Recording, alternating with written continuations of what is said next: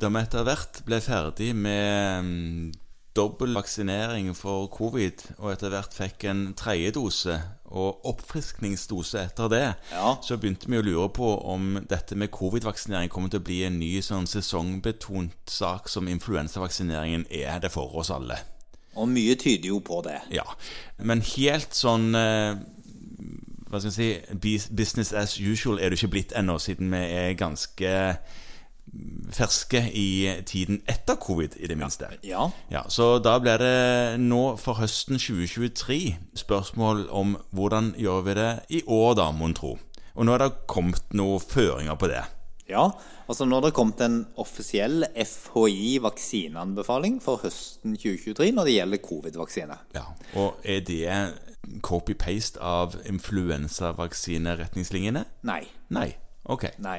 Eh, nesten. Nesten, ja. Ja. For de som ikke er der, det er helsepersonellet. Ja. Eh, Jeg la merke til det at vi er ikke nevnt. Nei. Nei. Vi er ikke særlig risiko. fordi at fortsatt er det sånn at denne vaksinen i veldig stor grad, eh, eller egentlig utelukkende, har vist effekt på å forebygge alvorlig sykelighet og død. Og i fortsatt ikke er gjort særlig studier på smittespredning. Nei? Og grunnen til at vi vaksinerer helsepersonell for influensa Ja, det er kanskje litt beredskapssituasjon, men ikke så mye i det. Men det er en tanke om at vi skal ikke sitte der og, og influensasmitte hele kontoret. Nei. Fordi at det kan være litt ugunstig fordi vi jobber med syke og svake. Så nå er anbefalingen er en revaksinering hos de eh, risikogruppene som nå er da de over 65 og s- de som bor på sykehjem. Ja. Uavhengig av alder. Ja. Og så er det de som inngår i en såkalt risikogruppe. Til alder, hvor langt ned da? Ja, egentlig ned til fem år. Å ja, men litt avhengig av hvor sterk Hvor mye risiko du har, da. Ja, Så jo lavere alder er jo viktigere sykdom. Ja, ø, Og det er jo veldig lite podkastvennlig å sitte og lese opp en massevis av sånne alvorlig syke. Men eh, det er en alvorlig eh, gjeng fra fem år, og så er det en litt mindre alvorlig gjeng fra hva det er 18? Nei, Ja, Fra, fra 12, fra 12, ja. 12 til 17, og så er det en sånn passe alvorlig fra 18 og opp. Ok. Og det er, det er ikke noe sånn rakettforskning. Det er den samme gjengen som har vært der hele veien, og, og i stor grad de samme som anbefales influensavaksine. ja. Men hvordan er det med de gravide? Ja, de gravide er fortsatt alvorlige.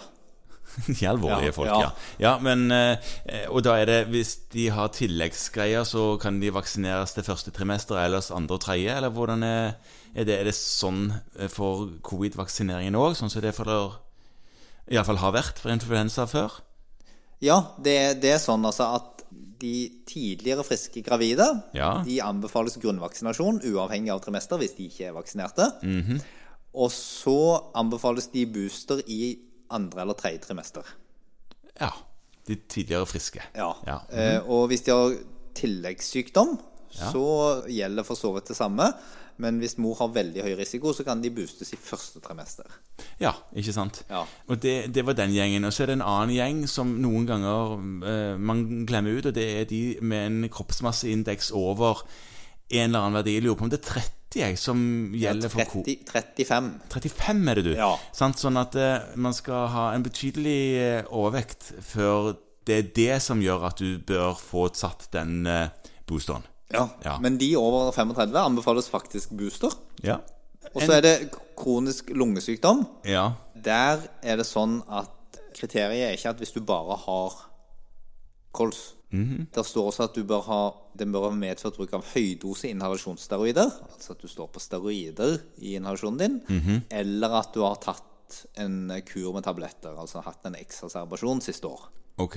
Ja. Så der har de på en måte moderert seg litt. Grann. Ja. Det gjelder ikke alle astmatikere, men det gjelder mm, hvis man har en astma som er litt komplisert å behandle. Men eh, du, hvis du av en eller annen grunn har på et eller annet vis fått tulla i deg en eh, covid-dose relativt nylig, enten at du har vært i utlandet, vært eller reist, eller en, på en eller annen måte har fått satt denne her, da. Ja. Hvor, hvor tett oppi den kan du få satt den boosteren hvis du er i en gruppe som bør få sette booster? Var det seks måneder? Nei, Det har vært tre, men eh, nå lurer jeg litt på hvor, Har du ikke da fått en booster? Eh, Jo, men, den, men de skal jo revaksineres igjen, eh, noen av disse her, og da er det seks måneder. Ja. i de nye. Ja, Ja. det stemmer. Og så er det det da at den, nå til høsten så kommer det jo en ny versjon. Ja, det gjør det. Ja. Eh, om- En omikron-oppdatert greie, Ja, tror det er jeg. Mm. greie som alle, som alle får. Ja. Men det som er viktig å huske på da, er at de som grunnvaksineres, de grunnvaksineres fortsatt med de gamle dosene. ja. Grunnvaksineringen, ja. mm. Ja, Sånn at dette er kun en booster. Ja, ok. Så du kan ikke bruke den til grunnvaksinering. Nei, ok. Eh. Ja. Men hvis du har vært syk, da, når tid skal du få boosteren din da, da? ja, det er fortsatt tre, tre Det bør gå tre måneder, men det er ikke farlig.